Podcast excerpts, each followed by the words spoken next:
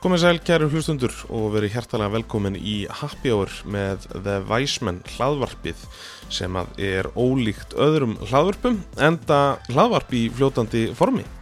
Ég heiti Andri og ég er hlaðvarpsstjóri hér og svo er ég líka barþjón, júrta nörd, humoristi og sitt hvað fleira bara. Nú þið getið kannski bara tjekka á mér á Instagram eða viljið, at the Weisman engin pressa samt, en nóg um mig. Fyrir ykkur sem er að hlusta á eh, Happy Hour í fyrsta skipti þá fjalla þættindir um allt sem tengist drikkjum og fólki sem tengist eh, drikkjar bransanum. Takk fyrir að gefa þessu séns og ég vonaði hafið eh, gaman af, jafnvel lærið eitthvað nýtt Það er klálega eitt af markmiðum þáttarins og eina ástæðum fyrir því að ég held úti þessu hlaðvarpi að bæði þú og ég getum dreyðið einhvern lærdom af þessu frábæra fólki sem kýsa verja tímanum sínum hér með mér í þessum þætti. Til ykkar sem hlustið regla á þættina þá hef ég þetta að segja. Takk. Takk fyrir að deila, takk fyrir að kommenta, takk fyrir að benda mér á viðmælendur og takk fyrir að hlusta. Þátturinn að þessu sinni er á ennsku. Hinga til landskom einn mesta góðsögn í koktel heiminum. Hann heitir Gregory Buda frá eh, Bandaríkjunum og er Director of Education á koktelbarnum Dead Rabbit í eh, New York. Einhverjir þekkja Dead Rabbit en þeir sem ekki þekkja hann þá get ég sagt ykkur það að þessi bar var valinn besti bar í heimi nokkur ár í röð. Svona geggjaður bar og Greg sumulegis, algjör snillingur. Þegar hann kom hinga til lands þá held hann fyrirlestur, pop-up á jungle og svo tók hann upp hlaðarstátt. Ég hefði ángríns geta talað við Greg í fleiri klukkutímba en það er maðurinn mjög svo sjófaður í bransanum. En með á kantinum var Joe sem sér um brennivinn á bandaríkja markaði og Joe er náttúrulega líka frábær og uh, ég get sagt ykkur það að hann kemur uh, bráðum í happy hour og segir okkur brennivísugur frá bandaríkunum. Nú er nóg komað því að ég uh, tali og mali og tjáu mig hér eitthvað frekar einn og yfirgefin, nei ég er að tjóka, kannski bara best að við förum í mál, málana, þáttinn sjálfan. Hér er Greg, góða skemmtun. Gregory Buddha, welcome to uh, the show. Thanks for having me. Great to Always a pleasure. you. So we are obviously in, in Iceland. Uh, you had a couple of days here. Uh, how have your trip been so far? So far, so good. I uh, have been to Iceland once before, and it's really great to have the chance to come back and Yeah. visit Reykjavik for even just a few short days. Yeah, yeah. I, I actually saw that. When, when were you here? In I was here in October of uh, 2021. Okay. Yeah. Okay. Yeah. So just this past year. yeah, I saw from from the pictures that you you went to the countryside as well. I did. Yeah. Yeah. I was here taking a course uh, in Reykjavik for a couple of weeks, and then did a little road trip around Iceland uh, in a camper van with my girlfriend. Really? Uh, saw the northern lights and did all the Okay. all the stuff. You know. Yeah, yeah. Did you enjoy it? Loved it. It Yeah? was beautiful. Awesome. Had uh, one one day of rain, but otherwise the weather uh, held up for the the whole way around the country, which was more than I expected. Yeah, you were you were lucky. Yeah. okay, so uh, but for this trip, tell me, it has like a, a really cool story behind it. Like, how did you end up coming here right now? You know, doing a pop up and and uh, masterclass, which was fantastic, by the way. Thank you for that. Thank you very much. Um, this is actually my last stop on uh, a many country trip through Europe. Um, I've been doing some seminars and master classes in other countries, uh, and also visiting a couple of my consulting projects in Monaco and Vienna. hmm Um, so this is uh, was a chance to reach out to, to Joe and say, "Hey, I'm, I'm going to be in Europe for a little while. Yeah. You want to do something?" Yeah. And he said, "Absolutely. Let's uh, let's get you over here." Yeah, I, and credit must go to Joe also. Yeah. Joe from Brennivin to to get you know this whole thing up uh, set up. You know, really amazing. I think best part of the show. Yeah, exactly. I think this entire industry is fueled by by friendships and relationships more than anything else. And yeah, uh, yeah. I've known Joe for quite a while, and it's it's cool to continue to work with different people in different contexts all over the world. It's Yeah, yeah, one of my favorite parts of the job. yeah, exactly. I agree. Uh, so, um, tell me a little bit about like. I mean, it's a classic question, isn't it? How do you like Iceland? But like, it gets bored, doesn't it? Or doesn't doesn't it not get bored?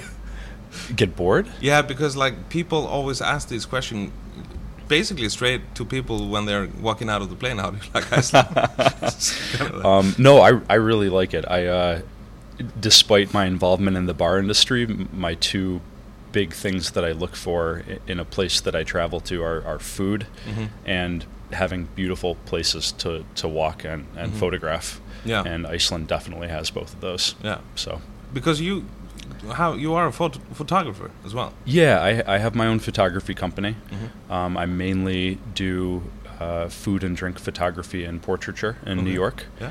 Uh, that's the the paying side of it, but Yep. I also just love taking pictures. So whenever I travel, Yeah. um, it's kind of my way to explore a new city or a new place to take a day and just walk around with my camera and see what happens. Yeah. Um, So, do you like enjoy taking like natu- nature photos? I do. Yeah. we have a pretty yeah. good nature here. You you absolutely do. I uh, on this road trip that I did in in October, it was definitely me dragging my girlfriend around saying, "No, I want to go here to photograph this, and I want to go here to photograph this." And to her credit, she was very patient with me. So, I was very, very impressed. Very beautiful photos. I, I took a look at the at the scroll down your Instagram. ah, thank you. really awesome. But in terms of the the bar scene in in Iceland, from what you have seen already now, I mean, you have had a couple of days. Uh, how the people, you know, the the drinks. How has it been for you? It's been great. Um, I don't often drink a lot of cocktails when I go out anymore. Yeah. Uh, because of doing what I do, sometimes I'm a little cocktailed out. I Um, relate to so that. I, I enjoy, you know I enjoy beer and wine and, and whiskey and, and spirits and some simple things most of the time when I'm out for enjoyment. Yeah. Um, but one thing that's really impressed me about Iceland, the, the level of hospitality here is just awesome. Yeah. People give you a big smile when you walk in the door. They ask you questions. They give enthusiastic service, and that's something that I you can't teach people back Mhm. home Yeah. um, and uh, you guys seem to have it built in, and I, I think that's awesome. Thank you. Yeah. That's great to hear. so, what would you say, like, uh, what makes a great bar? Like we were talking about hospitality. what do you think that really makes a bar stand out? That's a really good question. I think that answer will be different no matter who you ask. Mm-hmm. Um, and for me, even though my career is built around teaching people how to execute cocktails and, and set up bar programs and do very specific things, at the end of the day, the my judgment of a good bar is a bar that I want to spend an entire evening in. Yeah. You know Yeah. and that often doesn't have to do with the drinks themselves it has to do with the atmosphere Mhm. um, The ambience and the ambience how comfortable the place is how warm and welcoming the staff are Yeah. um, and of course the people that you're with and Yeah. whether you're enjoying that you know that Mhm. interaction that conversation Yeah. How do you? What do you think? Because uh, when you finished the masterclass yesterday, there was, I took loads of notes. uh, like invest in your people. I think that's something that, in particularly, and probably someone is going to get a bit pissed uh, here in Iceland of of uh, uh, owners and stuff like that. But you know, because sometimes I think, and this is just my opinion, people are basically uh, relying more on the business side and not on the uh, passion and and and uh, like getting a good service and, and treating your staff and stuff like this. I'm not saying that they are all you know assholes around, No, not at all. But I, I think it, it's not a, a malicious thing in many cases. I, I think the problem is that a lot of owners and managers don't see the big picture in that investing well in your staff is actually the right business move. yeah, Because when you give your staff the right tools, when you give them opportunities, when you create uh, an environment that's good and fun for them to work in, Mhm. they stay yeah, they bring other people that are talented employees along with them. yeah, They invest themselves in making your business successful. Mhm. Um, if you nickel and dime your staff, if you don't give them food during their shift, if you you know don't give them vacation time, if you overwork them, if you deny them opportunities to do things with other establishments, and Mhm. you know whatever it- whatever it is, Mhm. you're just giving them reasons to leave yeah, and the investment that you'll put into constantly retraining new staff Mhm. is far more than the investment to keep The, the staff that you staff, have. yeah. Um, so it is a, a financial and business move if you think of it that way. Yeah. Um, and at the end of the day, if you do it right, you have a really dedicated team that works for you. Mhm. Um, they're not just coming in to collect a paycheck. They're they're coming in because they enjoy working, Mhm. and they will work and dedicate themselves to building your business for you. Yeah, because in the in the end, the people that come through the door, they are there for for the people Yeah, uh, and and the hospitality. Uh, yeah, I mean, you've probably had this experience. Like, there's probably a few places you've walked into where it's not the most beautiful, extravagant place, but you still have a really good time. yeah, exactly. It doesn't have to do with Yeah. the the investment in the decor. Exactly. That's that's a really good point because sometimes you, you know, you sometimes people rather spend ridiculous uh, amount of money into tiles and, and some lights and stuff, and they don't do that with with the stuff, which is which is a shame. But Yeah. yeah, really good answer. Um, also, uh, obviously, you were doing uh, drinks with, with Brennivin yesterday. I want to talk a little bit about uh, this because, uh, I mean, Akavit is, of course, in my opinion, uh, getting more known, and also basically the North is, is getting known. You can see that in movies and episodes and everything. What do you think is the future of, of Akavit, basically? Well, I- don't think I'm in a great position to say what the future of the category will be, but from my own perspective, uh, in the United States, it is not a very well recognized category of spirits in terms of you know your general consumer, your Yeah. guests that come in. Most people have no idea what it is, um, but it is growing uh, as a favorite category amongst bartenders. Yeah. Um, I was introduced to it. You know, I, I'd had a few examples of it in the past, but I was really introduced to it in a couple of bars that I worked at in New York, where the managers were very passionate about it, and they Yeah. passed that on to, to us. Yeah. And um, actually, it was the first time that I met Joe. He came in and, and passionately told us about Brennivin, Yeah. and we tasted it and we used it in a drink on the menu, and uh, I kind of investigated further from there. And Okay. it's it's a really cool category, um, but it still needs a little bit of love and attention from people that like it Yeah. to make it a little bit more well known. At least, in, I'm talking about the U.S. market here. Yeah, yeah, yeah, yeah, yeah. Um, Of course. But it's it's a fun it's a fun category of spirits, and it gives you a whole another playground Yeah, t- to yeah. play in in terms of flavor when you're developing cocktails, which Yeah. is nice. I mean, obviously, it has this uh, cumin uh, uh, notes to it. Uh, do you see any other flavors like like Brennivin with with different flavors and stuff like that coming? Well, c- caraway would be the the big flavor that's used in a lot of aquavit. Um, I've had the chance to explore some other producers in Norway, uh, for example, and they they'll they'll have examples that use dill as the the primary flavor, Yeah. and that's pretty cool. And when you know you have a, a dill aquavit chilled and paired with a fish Yeah. or something like that, it's, it's a pretty cool uh, culinary experience. I, I Mhm. enjoy that. Um, some of them are a little bit more anise forward, hmm uh, but it, you know it's kind of like the northern European version of gin. Yeah. And depending on which botanicals you put in and what ratio, you do Yeah. have a huge spectrum of flavor you can play with. Yeah, exactly. Yeah, we have because in Iceland we only have one word for for. I mean, you obviously have like caraway and cumin, uh, which are two different things. But in Iceland we only have one word for it, which is cumin. We don't have like you know a translation to caraway. Oh, okay. I, d- So- I didn't even realize that. this, this caused a, a lot of uh, problems with the TTP. oh man.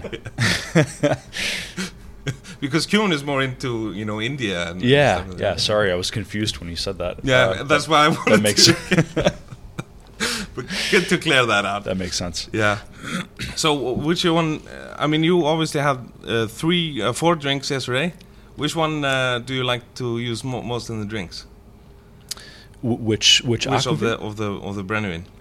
honestly, I, for me personally, uh, the coolest one is the the rye bread one. I think that's just a very very unique product, and I've never come across anything quite like that before. Really? Um, th- but the, the clarification I'll make is that what you would sip on Yeah. is a different choice most of the time than what you would use in a particular cocktail because the other ingredients in the cocktail determine which one you use. It's not that I put in my favorite in this cocktail because it's my favorite. I, I put Mhm. it in because the flavors work.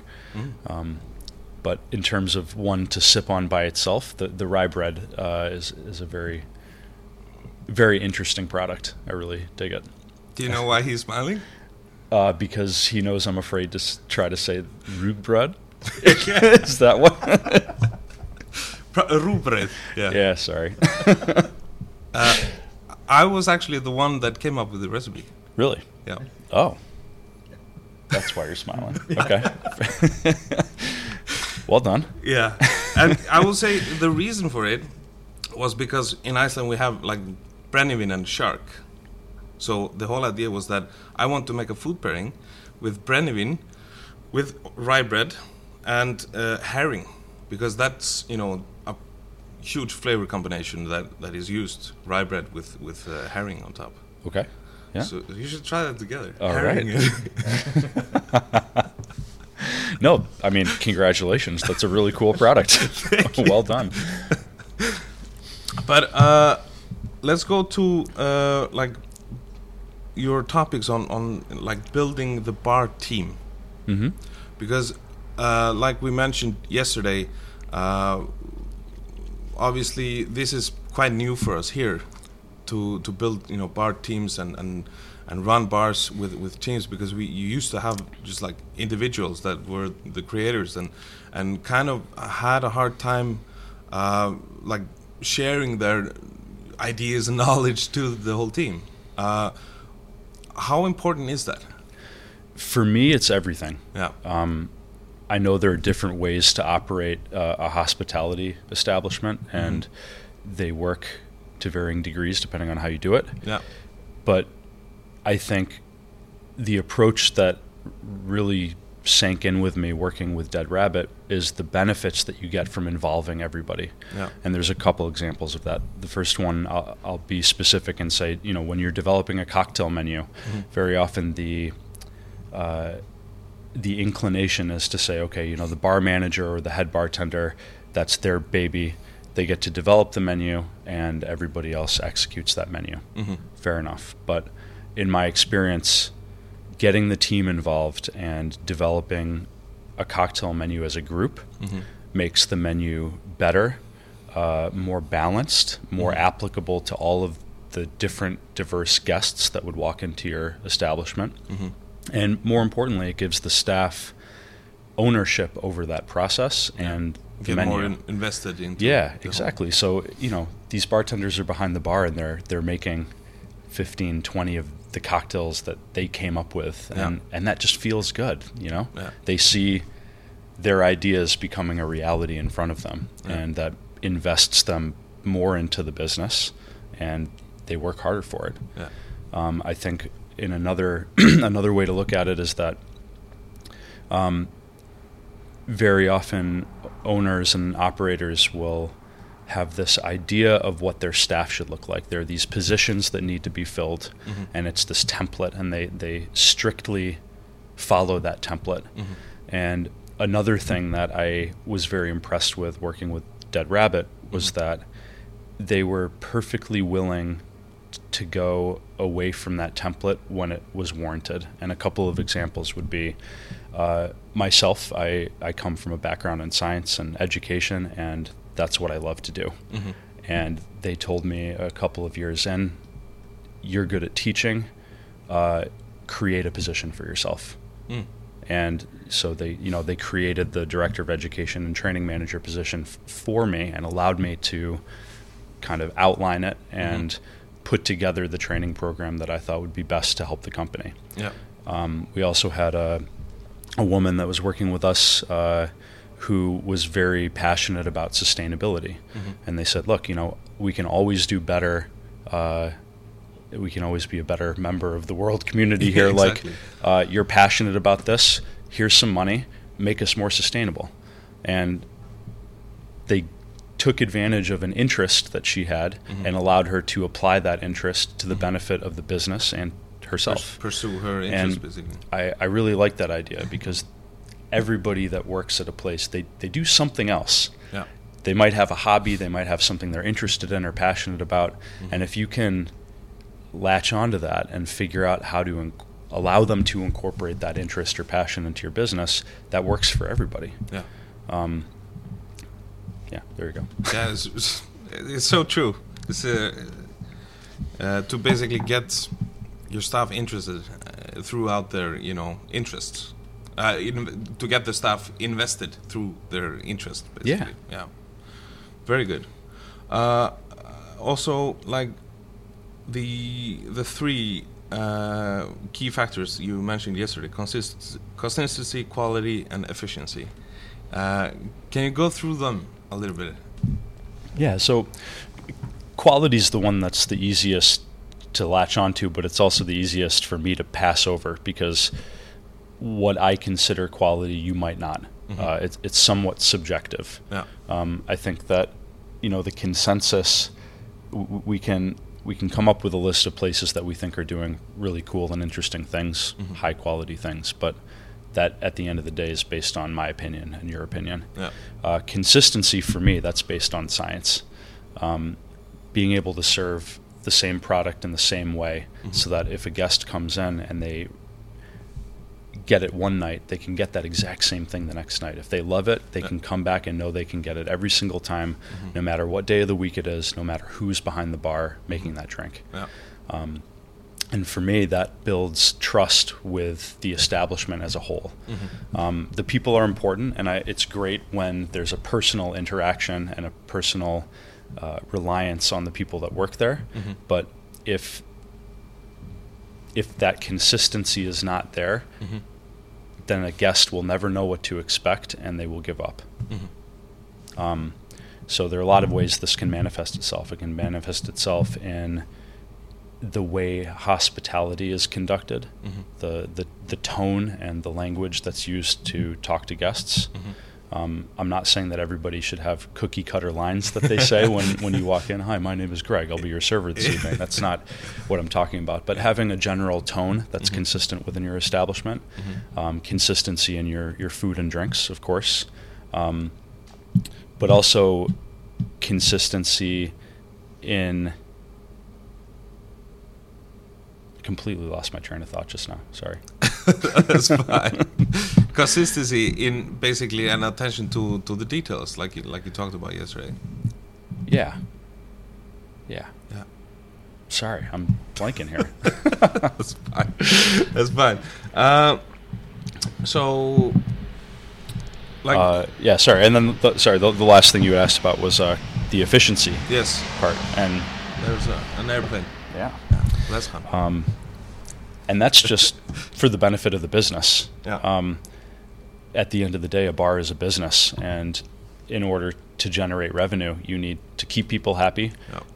turn tables, get people in the door, fed, uh, drink in hand, and then when they're ready to leave, out the door, Yeah. uh, so that you can bring new people in. Yeah. And having your setup and your training Mhm.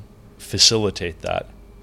Process is really important to generating more revenue. Yeah, yeah. so that can be everything from the way that your bar's set up so that your bartenders can physically make each drink faster Mhm. um, so that when a ticket comes in, it goes out to the guest in three minutes instead of eight. Yeah. yeah. Um, that might not matter to that particular table, but that adds up to a lot of minutes over the course of a night, Mhm. um, and a lot more drinks that could have been sold if the bartender were able to execute them faster. yeah. Um, it can also have to do with your your order of service and how people are greeted and given menus and given water and guided through the experience um, by the service staff or the management. Um, and that doesn't have to do with actually making the food and making the drinks, but it does have to do with how that entire experience is curated by the rest of the staff. Yeah. Um, and that's also something that can be trained. But uh, like, if we have like a bar team, do you? What's your opinion on having like uh, that everyone can basically do everything? Like servers can do the you know bar shifts and and and so on, like rotating. I like that as an idea, um, and I've worked in places that uh, implement that sort of um, routine. or- routine. Yeah. Yeah.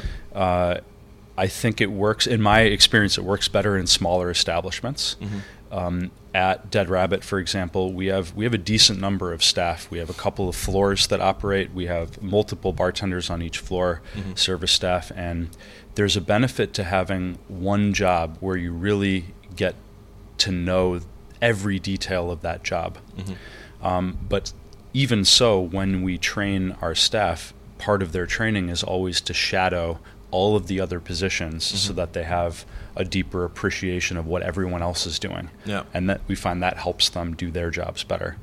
Um, in smaller establishments, for example, I worked at a, a spot called the Beagle and in New York, and we, we often had just two staff members on. Uh, we both did the bar backing. We both could make drinks, and we both took care of the floor. And it was completely up to us how we organized that. Sometimes we'd have one person behind the bar and one person serving, and then we'd switch halfway through the night. Sometimes we'd split the tables and guests and kind of make drinks for the people that we were taking care of. Um, but I really enjoyed that fluidity because it meant you kind of had to be good at everything, Yeah. and anything that needed to be done could be addressed by the first person that saw it. Yeah. Uh, and there's value in that, but it becomes harder to manage when you have a bigger team. Yeah. So, like for smaller places, this you know, this would be a, a, a fine solution. In my experience, yes, yeah. Uh, it was fun too. Yeah. because it means you're not doing the same thing over and over again. Yeah, You're, You get to maybe try different roles on different nights. Yeah.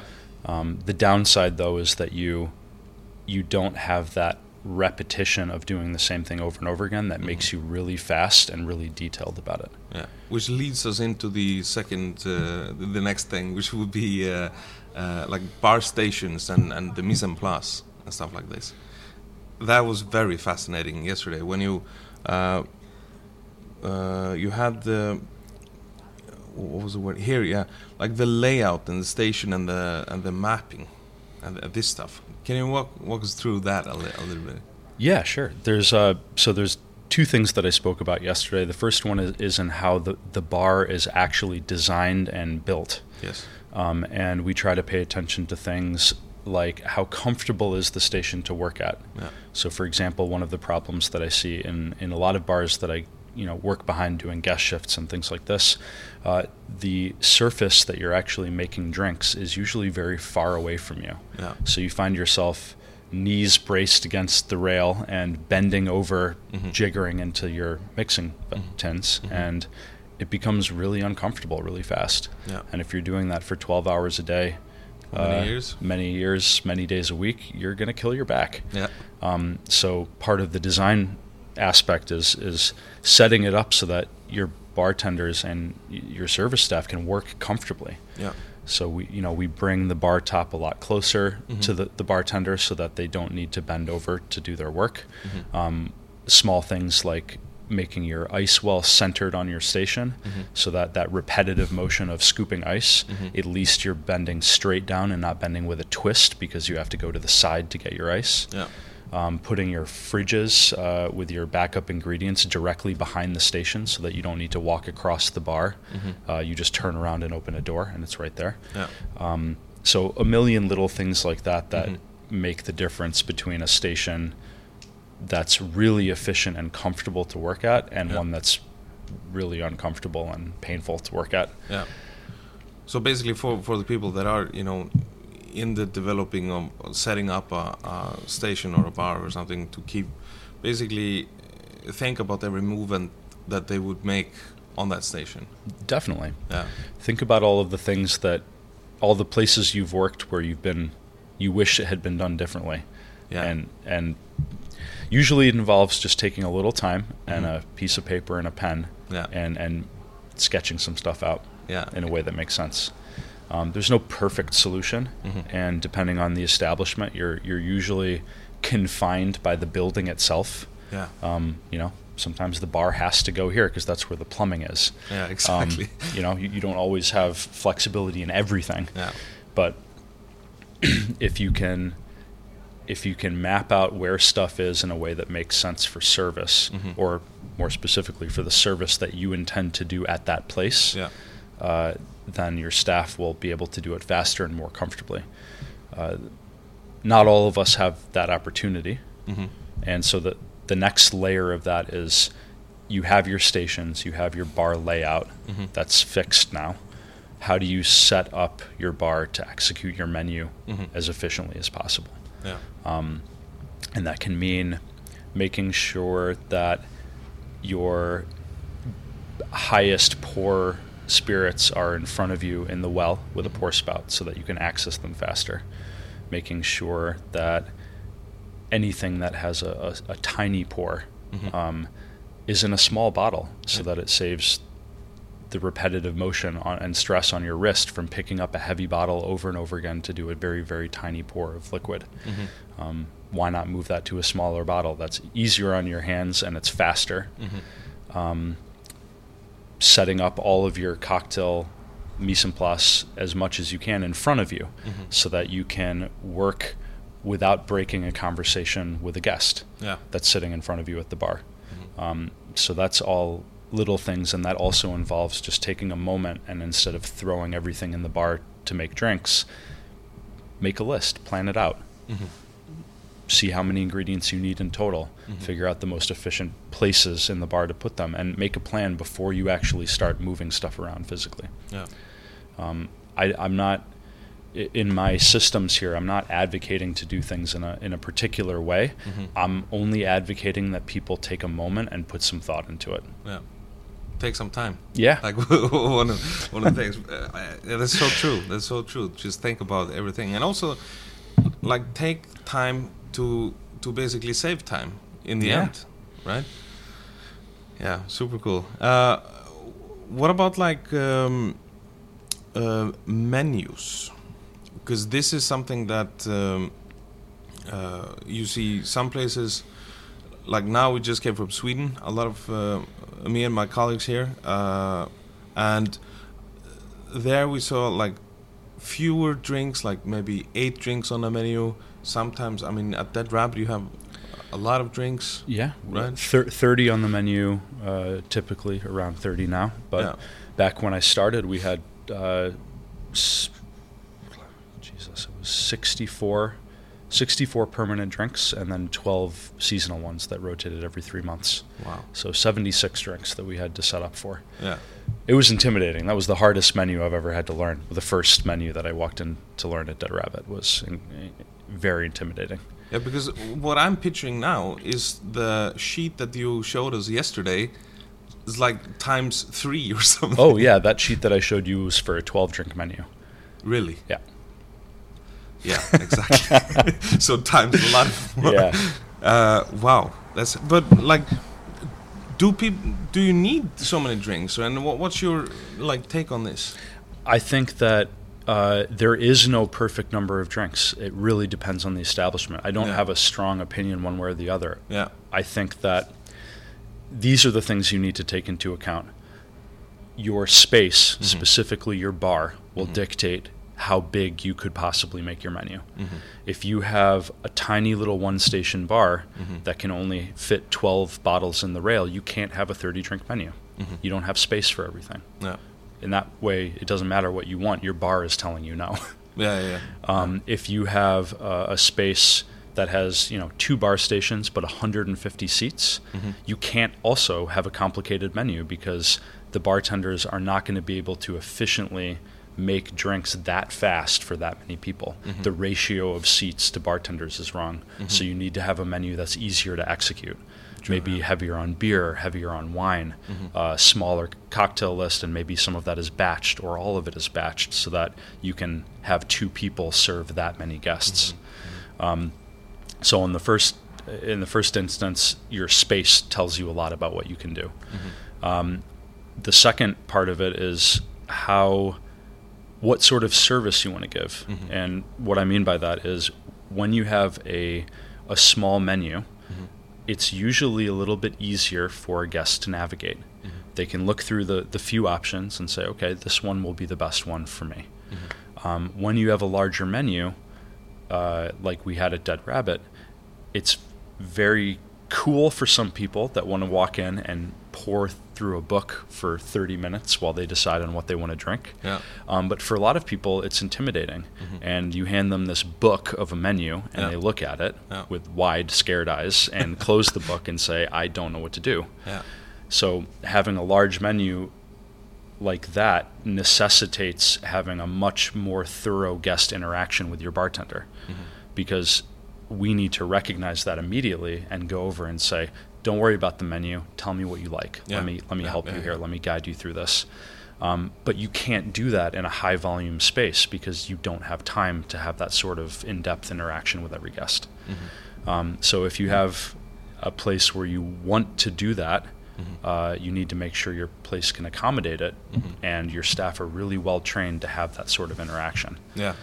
Um, that was yeah that was something that that I that I a conclusion is that if you have a thirty you know thirty drinks list, then you need to have it, it adds up tasks for the staff, right? it does, yeah. So you need to have them properly. You know they need to know exactly what what they are are serving and and selling Yeah. basically. And the the training aspect of that is huge because to have bartenders that all know 64 drinks inside and out that make them all identically and perfectly every time. And on the back of house side that you are keeping up with your your prep mm-hmm. that you have all of these homemade ingredients and you mm-hmm. can't be running out of stuff and swapping in other spirits when something runs out. So there's a lot of attention that needs to be paid on the back end mm-hmm. to making sure that you can serve those 64 drinks every day. Um, because it, it can very quickly get sloppy when you have to say, oh, yeah, we're out of this and we're out of this. And, you know, that will be back on tomorrow and we're 86 this drink because we didn't get an order for the spirit in today. Uh, it can be it can be a disaster very quickly. So you need to have the infrastructure to deal with a menu that size as well as a staff that's capable of executing it. Yeah, I think that answers it, you know, in the best way. But uh, it's a it's a good idea to, to throw around, you know, because from from what we see, especially like we saw in Sweden and, and stuff like that, is that they have much smaller amount of of, of drinks, uh, at least at these places that we we went to.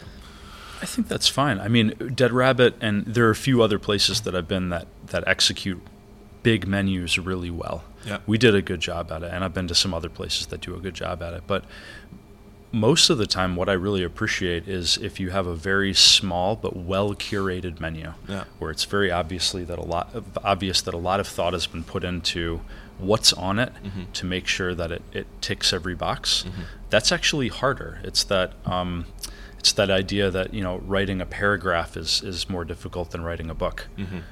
uh, because you have to be so concise and perfect with those few sentences. Yeah. Same thing with a cocktail menu.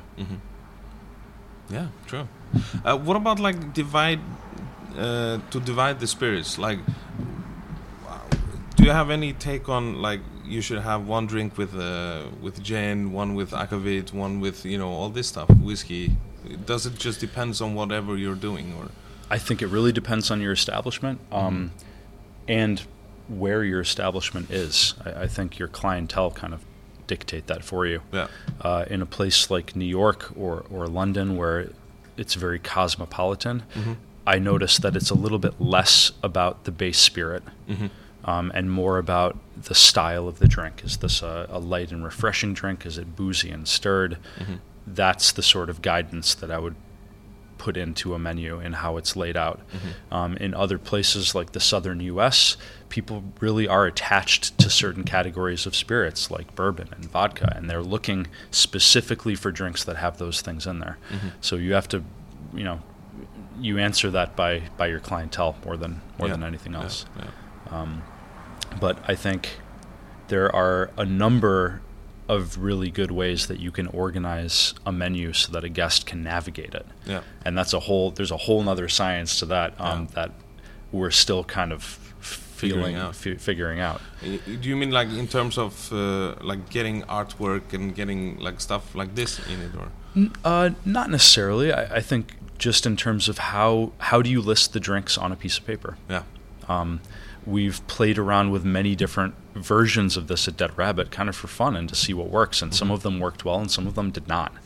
Uh, as an example, our first menu was broken down by style of cocktail. Mhm. So like these are the sours, these are the daisies, these are the, the Manhattan and martini style drinks. Yeah.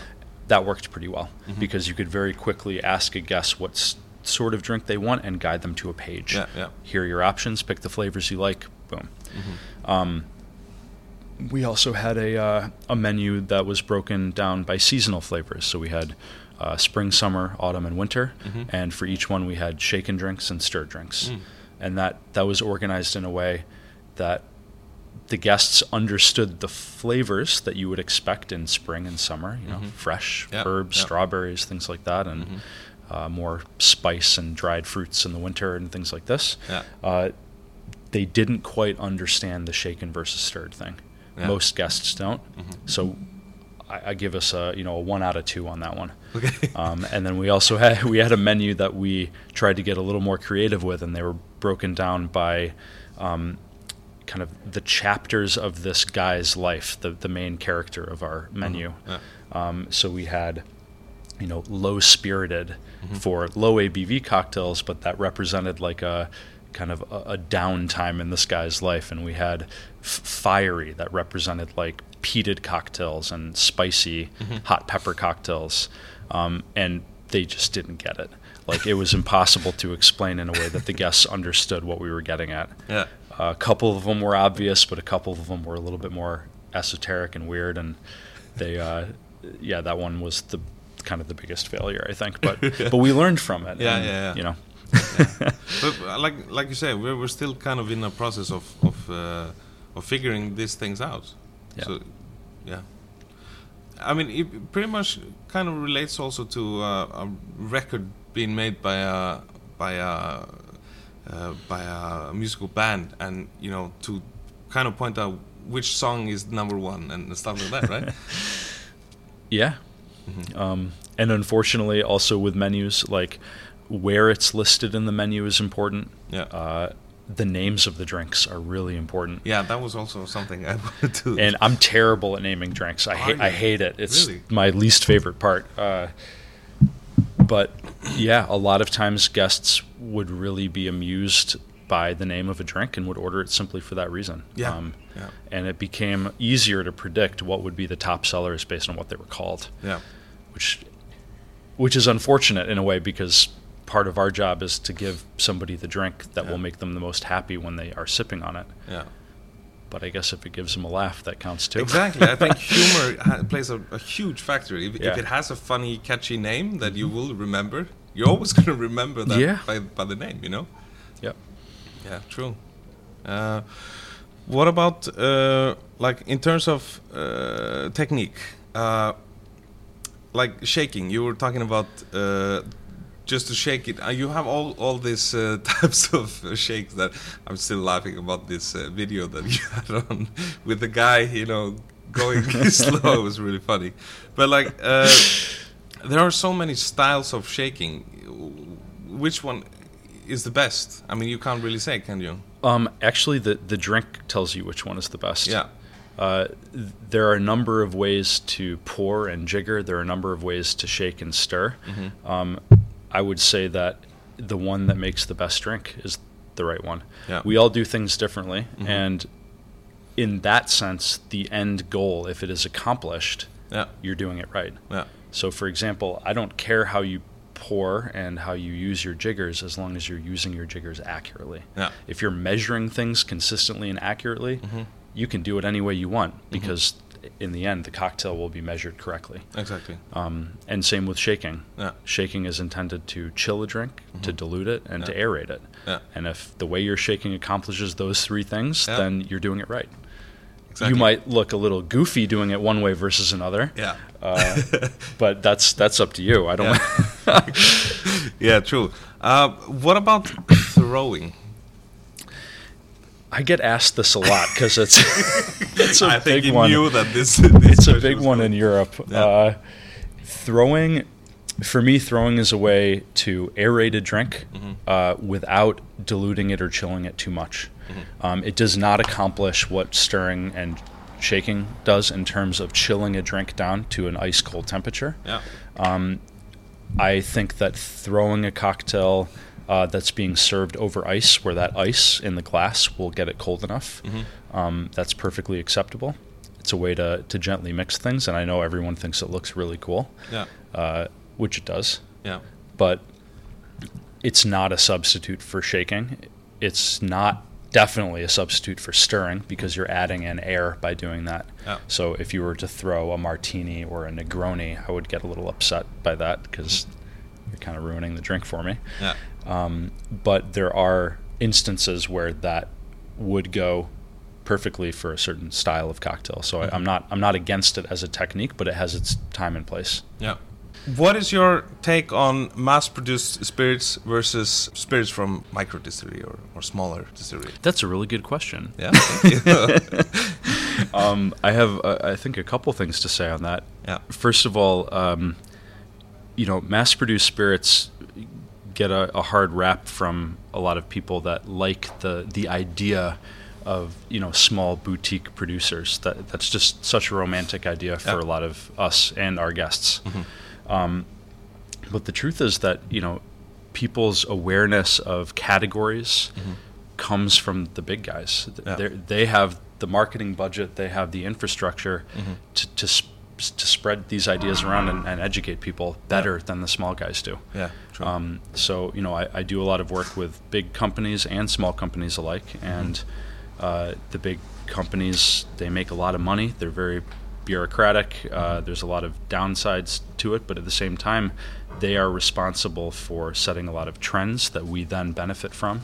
Uh, they're responsible for introducing people to categories that they wouldn't have otherwise tried um, and also s- setting a, a certain standard for the quality of, of spirits that are being produced by smaller producers. Um, and unfortunately, I, I know everybody wants to say that you know this, the little guys they make the good stuff. The big guys make good stuff. They really do. yeah. Uh, they have teams of people to ensure that their products are at a certain level Yeah. and their consistency is off the charts. Um, a lot of small producers, there, there are a handful that make really exceptional products. Um, and there are a lot of people that, you know, they like drinking and they say, you know what? I'm going to start a distillery. and they have no idea what they're doing, Yeah. and it just adds to the crap that's on the market. Yeah. Um, I, I'm saying this uh, with the gin in the U.S. Yes. in mind. Yeah. Yeah. There was this explosion of gin, uh, you know, 10 or 15 years ago mm-hmm. in the U.S., and most of it was not good. Yeah. Um, so, in that sense, I do love working with small producers that really care about what they're doing mm-hmm. and they're introducing something new or something of exceptional quality. But unfortunately, I think that's a small percentage mm-hmm. of the products that are being produced on a small scale Yeah. that are out there in the world right now. Um, but you know, another thing in favor of the big guys, they also have the resources to change legislation and things like this that allow for the importation of whole categories to new markets. Yeah. Um, you know, th- there's a, a number of things that they do that allow us other people to do what we do. Yeah. Yeah. Um, that happen behind the scenes, and we take advantage of it without even knowing. Yeah. But I, you know, credit where credit is due. We rely on them a Never lot. thought of it that way. Which is a really good, a really good answer. Yeah. You know, a, a really, really good angle to to towards uh, towards this question. Yeah. Let's go to building by the round. This is something that I was very fascinated about uh, because a lot of people don't get this right. Making sure that everything is you know perfect when you basically serve it. Yeah, that's very true. Yeah. Um, and it's there's a level that I presented yesterday Yeah. of doing this that's very, very specific and takes a lot of training and a lot of practice. Mm-hmm. But you can also take a big step back and just understand the common sense behind the most basic parts of it Mm-hmm. and implement them and dramatically improve the quality of what you're serving. Yeah. Um, it really it bums me out when that basic level of common sense isn't put in Mm-hmm. to it. Um, so, f- as an example, Yeah. you know, if a bartender is uh, serving a round of drinks and they're you know they're starting by pouring their champagne and then they're finishing up with the red wine, why not just do that the other direction? Yeah. Why not serve the cold bubbly thing last? Mm-hmm. That just makes sense to me. Yeah. Uh, also, you know, you have your whiskey on the rocks. Why put that up on on the pass when your server's not ready to run it to the guest? And it sits there, and I'm watching my whiskey, and I'm saying, "Oh man, this is getting so watery. Like, ugh, come on, let's go, let's go. I want it." Yeah. And, the And- bartender is, is, yelling service. if that. yeah, exactly. But but why not pour the whiskey and just add the ice when the server comes? Yeah, yeah. Like that's common sense, right? Or Yeah, it should- true. It should be. Yeah, I mean, yeah, we're we're always getting back to this. Take your time, step back, and look at everything from from you know, from the perspective that makes sense, right? Yeah. Yeah, pretty good. Uh, what about uh, like the carbonation? hmm What what is um, like? Some people like carbonated Negroni. Some people don't. What is your take on on the carbonated drinks category? Oh, I, I think that that's perfectly cool. Uh, Yeah. Carbonation adds uh, it adds an experience element to a drink. It makes it bubbly. It makes it fizzy. Yeah, yeah. right? So that's uh, for me, it's a textural thing. Mhm. Sometimes having that nice acidic, fizzy pop in a cocktail is super refreshing, especially on a hot summer's day. Yeah, Um, and you know, a nice sparkly cold drink Mhm. is delicious. yeah. Um, but I, yeah, I don't, I don't think there's a good or bad to it. I think it just Yeah. depends on on what drink you're talking about and whether that enhances the experience of drinking that cocktail Yeah. or hurts it. Exactly. Yeah, that's true. Uh, the reason I'm asking is because like this trend obviously uh, has been done for many years abroad, but we're kind of still uh, in the beginning of that here in, in Iceland, like carbonating ourselves, and not Yeah. many people are actually doing it. Um, It's fun. Look, I, I enjoy that people play around. Um, I think I mentioned yesterday during the seminar that sometimes, sometimes people put the cart ahead of the horse and they yeah. they start getting into these crazy fun techniques and Mhm. doing, you know, foams and fat washes and carbonating everything, but they, they don't have the basic knowledge of you know how, how do you make a proper old fashioned and Yeah. how do you You're kind of you know? speaking about the beginning of the craft cocktail scene in Iceland. we started like that. but like th- that brings up another question: how how crucial are is it for bartenders to begin with the classics and na- nail them? I think that uh, classics are classics for a reason. Mhm. They've stuck around for this long because there's something to them that works, Yes. and they've lasted for you know well over a hundred years in many cases Mhm. for a good reason. Yeah. Um, usually because they're they're simple, they're Mhm. delicious, um, and they have a broad appeal. And understanding where this industry came from, I think, is pretty important. Mhm. Um, in in Europe and the U.S., we have a, a long history of, of cocktails, and understanding the beginning of your own industry, I think, is is important to doing your job well. Yeah. Um, there's also, you know, at the end of the day, most cocktails are going to be some variation of something that's already been done before. Whether you know it's been done before or not, I guarantee you it has. Yeah.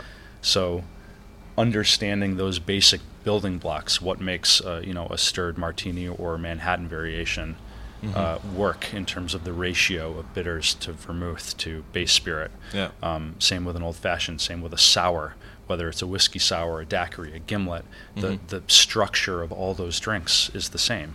So understanding that kind of those basic building blocks Mhm.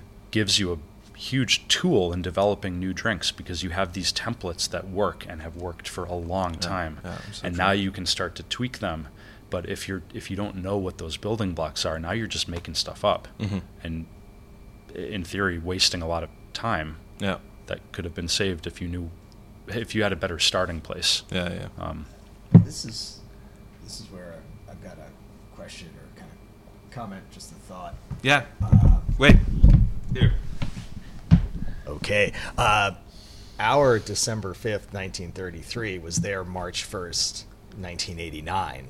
So the idea that there are these classic cocktails that, you know, people in the States have been making and drinking for, you know, almost 100 years, and even for some time before that, uh, my experience in Iceland has been, you know, I've been uh, working here nine years. Uh, very different because there really weirdly is no classic cocktail history. Uh, and I think that part of the reason why the Reykjavik cocktail scene can get so strange so quickly is because there was nothing to build on, but also no bad habits.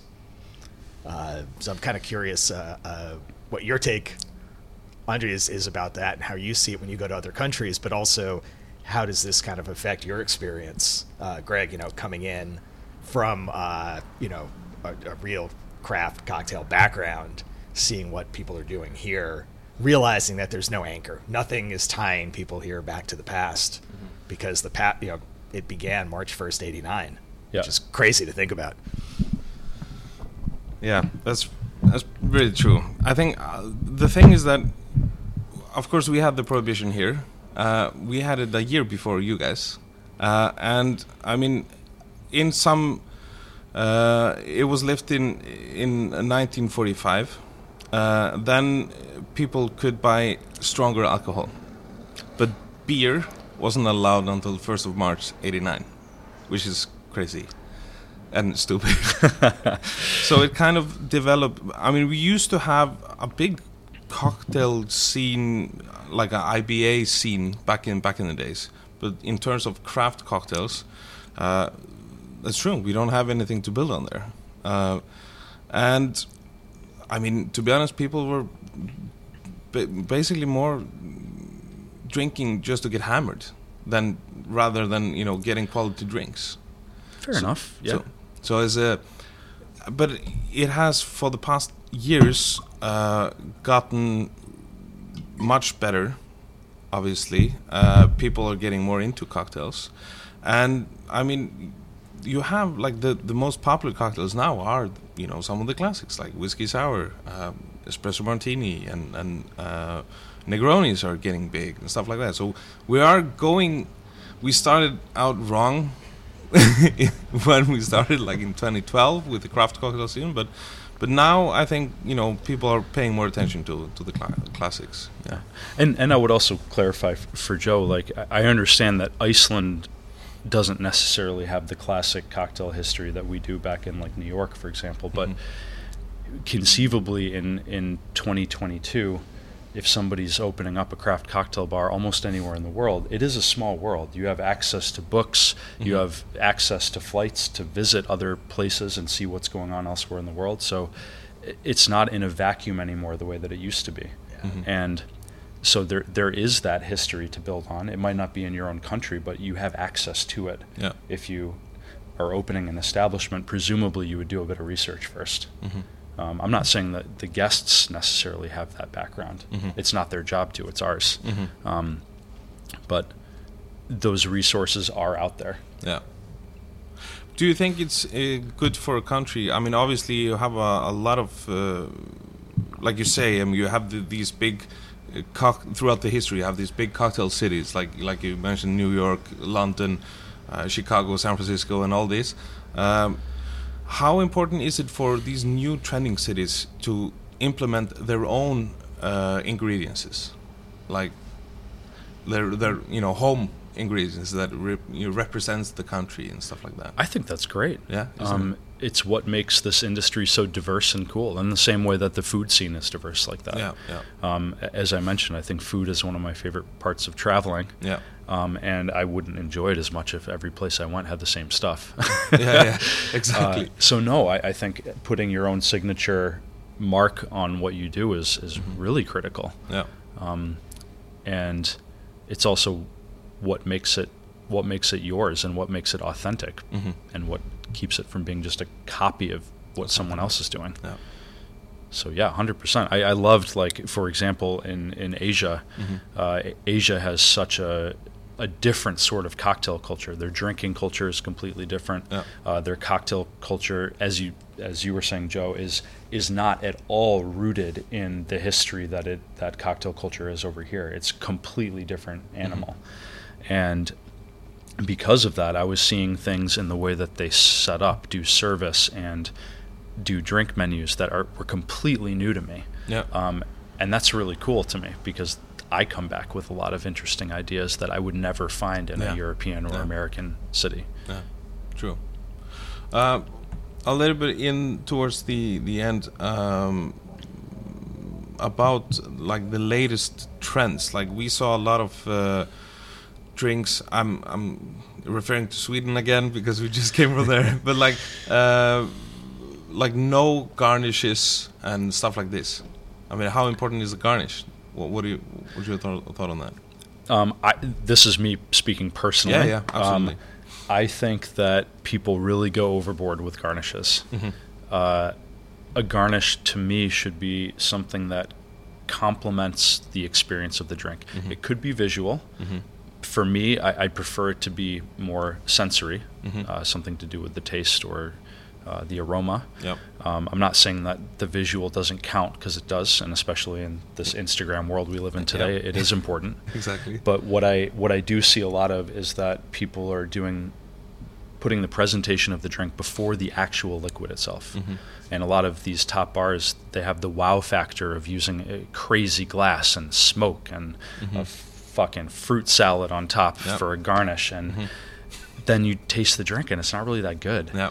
um, which is kind of a letdown. Yeah. Um, I also see a lot of people looking across the room from their table and saying, "Oh man, what is that drink? I want that." Yeah. It's like, what do you mean you want that? You have no idea what's in it. You don't know if the flavors are what you'll like. Yeah. So it almost shortcuts Mhm. the hospitality experience by giving the staff the opportunity Mhm. to guide their guests toward a drink that they'll actually like. Yeah. Yeah. Um, just because it's that kind of magpie Mhm. uh, magpie factor where they see something shiny Yeah, and they yeah. say, "Oh man, I want that." True. Um, so for me, I, I always prefer to keep my garnishes minimal and let the liquid speak for itself. Mhm. I'd rather have a drink look boring Mhm. and have someone take a sip and be like, "Holy crap, what is that?" yeah. Um, than the opposite way around. Yeah. True. Say, "Wow, that looks beautiful." Oh Yeah. crap, what is that? yeah, true. Yeah, it's so true. The gimmick sometimes takes the the, the all all of the attention. Yeah, and I know people love that, and that's the world we live in. But I think uh, s- something someone said the other day that really stuck with me. It in hospitality, in the in the booze business in general, it is our job to guide the trends as much as to follow them, Mm-hmm. and it's our job to teach our guests what is good Mm-hmm. more than it is to respond to what they think is good. Mm-hmm. This is what we do. It's not what they do. Mm-hmm. We know better. Yeah. So it's it's up to us to to guide them to a better experience than what they're used to. Yeah. True. I mean, I think also the, the future of, of of like trends should should be related to the the flavor profile rather than the look. In my opinion, yes, I agree with that. Agree. Uh, in terms of like uh, like f- flavors in in trend, do you think we? I mean, obviously, uh, botanicals like herbs or herbs, uh, like you say, uh, they uh, have you know been making their their way much more into to drinks. Do you see, uh, you know, in the coming years that we will explore more stuff like this, like wild foraged herbs and stuff, and, and things like that. And you, by the way, you also have a PhD in, in botany, don't you? I do, yeah. so you're a herb, you're a you're a herb nerd. An herb nerd. Yeah. Oh, I haven't been called that before. That's I have good. never said that, An but herb that, nerd. that's awesome. herb nerd. um, well, I, I guess so. Uh, I dealt in in my research career. I dealt more with the the cell biology yeah. stuff, Oh, yeah, uh, yeah. Mm-hmm. and less foraging and, and things like that. That wasn't really my uh, my focus. But um, no, I think that if you think of cocktails the way that you think of food, Yeah. it is an experience where what you're drinking or eating is Mm-hmm. more than the sum of its parts. How can you put these things together in such a way that they interact and create something new and beautiful? Yeah. Um, that's what a cocktail is, and that's what a really good dish is. Yeah. I, I see very little distinction Mhm. uh, between the 2 Um, so it's awesome that people are being creative, and I think for me personally, a lot of my drink ideas are inspired by food that I've eaten rather than other drinks because flavors that work together work together. Yeah. It doesn't matter what form they're put in; those Mhm. flavors chemically Mhm. complement each other.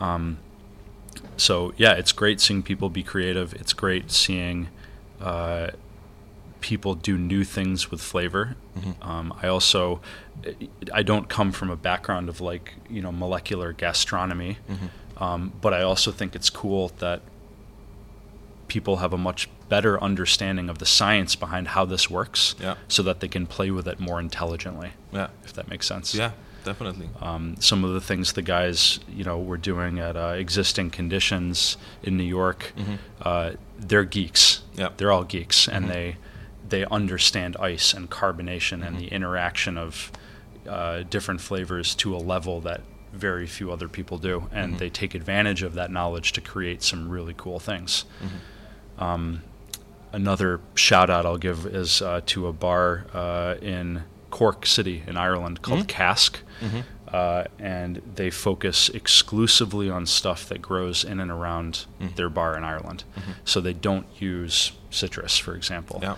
Everything is done with ingredients that are found within a certain radius of the bar.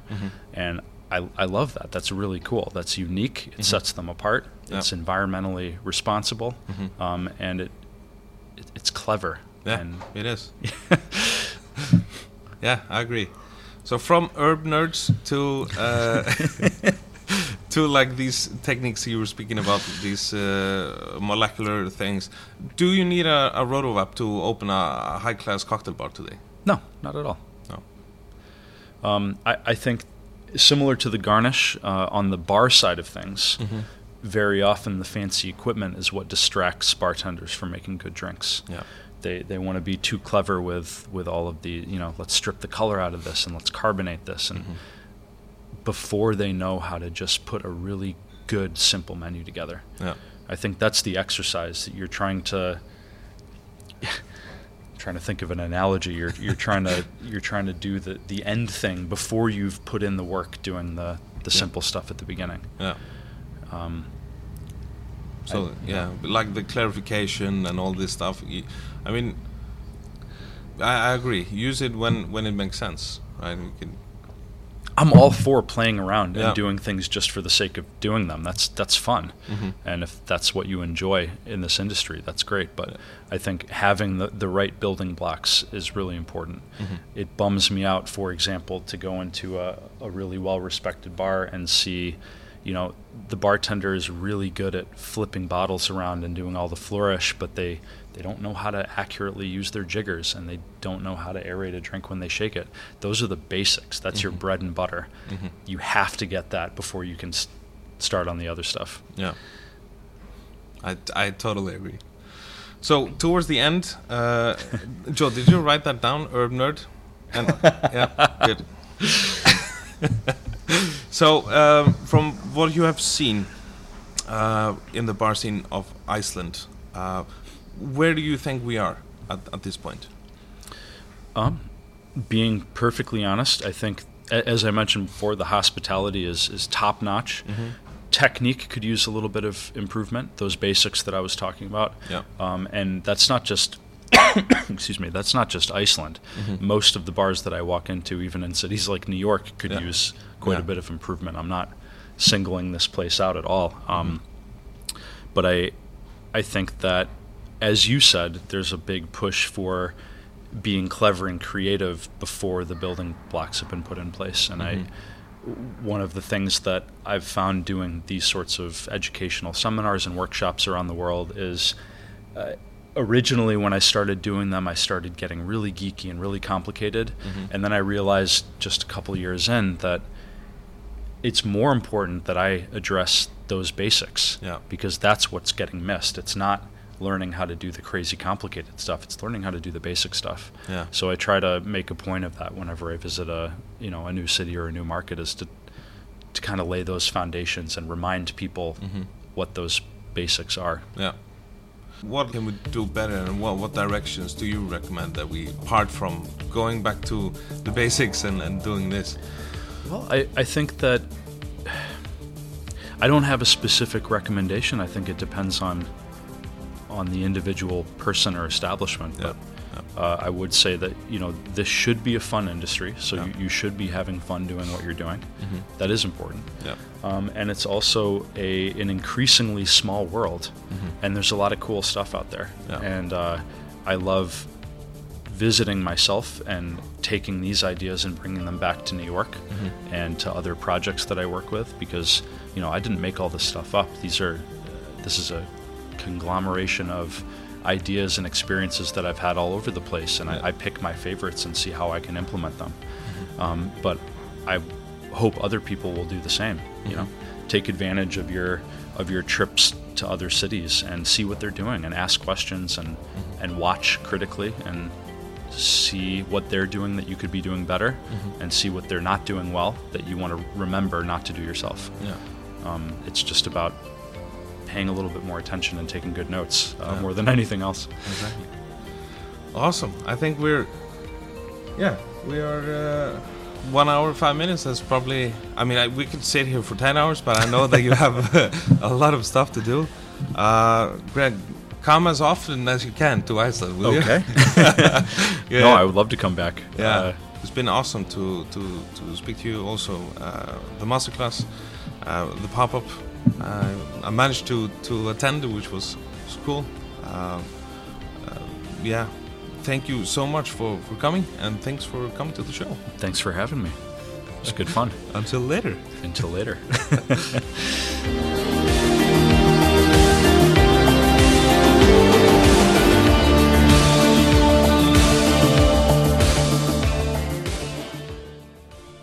Þar af við það, kæru hlustundur, það sem ég geti talað miklu lengur við þennan mann en það fullar af fróðleik.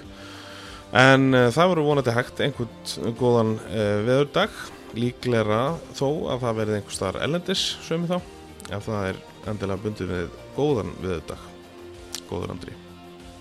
Þetta var ekki góðu tjókur. Allavega, endilega tekki á Instagraminu mínu, Atti Væsmann, ef þið viljið fylgjast með mér og uh, ef þið hafa einhverjar ábendingar viljið mæla með uh, viðmælanda og svo framvegis. Og ef þið viljið vita meir um Greg þá skulið hygglust bara googla af því að það er uh, fullt hægt að finna um þennan mann. En það, já eins og þið heyrðuð þið eru nú búin að hlusta þetta langt hann hefur komið víða við og, og mjög svo magnaður. Og svo er einhverjur aðrir þættir með hann líka Nú, ég vonaði að haft gaman að þessu, hveit ykkur til að deila þessum þætti með öllum þeim sem að ykkur detti í huga hafi áhuga á að hlustan. Það er að segja, uh, munið að drekka íslenskt, drekki frekar til að njóta, ekki til að gleyma. Takk enn og aftur fyrir að hlusta á þáttinn. Ekki örvenda, næsti þáttur er uh, skamt undan. Þangað til næst, Wiseman out.